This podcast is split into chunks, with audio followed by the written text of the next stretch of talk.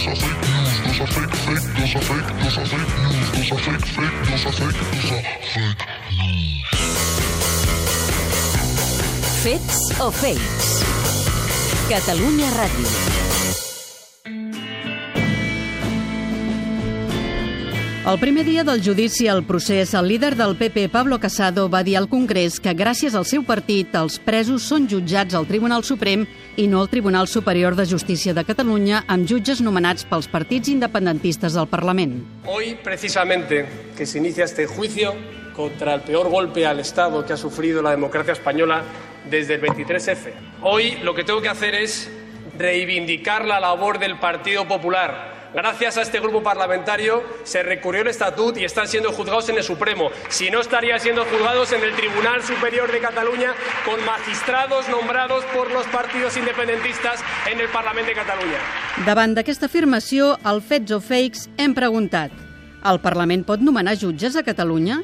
Si el PP no hagués recorregut l'Estatut del 2006, el Parlament tindria més competències jurídiques? Si el PP no hagués recorregut l'Estatut, el judici s'estaria fent al Tribunal Superior de Justícia de Catalunya? Les declaracions de Casado són un fet o un fake?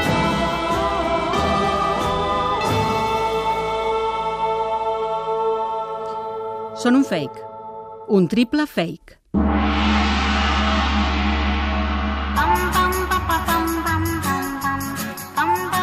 Per començar, el Parlament té competències jurídiques per nomenar jutges?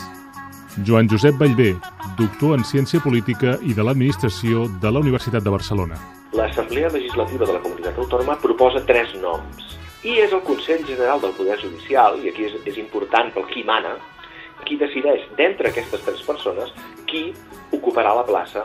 Però fixi's que això correspon a una tercera part dels membres de la sala civil i penal, una petita part que són triats a través d'aquest sistema i que fa veure que les assemblees legislatives intervenen en el, en el procediment de, de nomenament. I quin mecanisme té el Parlament per elegir els dos candidats que li corresponen a Catalunya?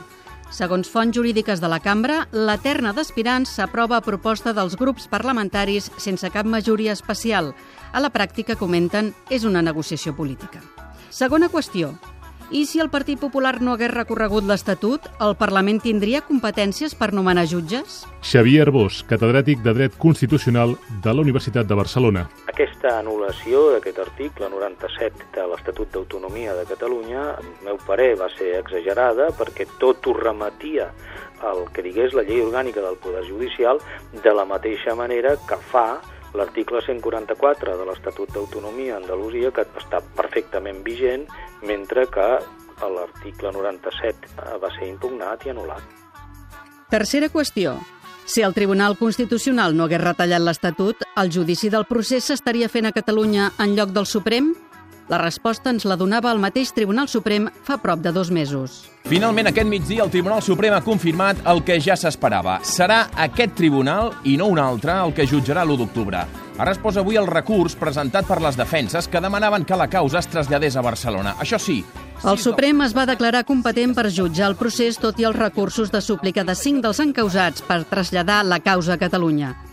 En definitiva, Espanya es constitueix en una planta única judicial. Per tant, no hi ha lloc dins la Constitució a la, diguem, desenvolupament de jurisdiccions territorials separades. El Tribunal Superior de Justícia de cada comunitat autònoma és una part més d'aquesta jerarquia general en la qual es basa el sistema judicial. Pam, pam, pam, pam, pam, pam, pam.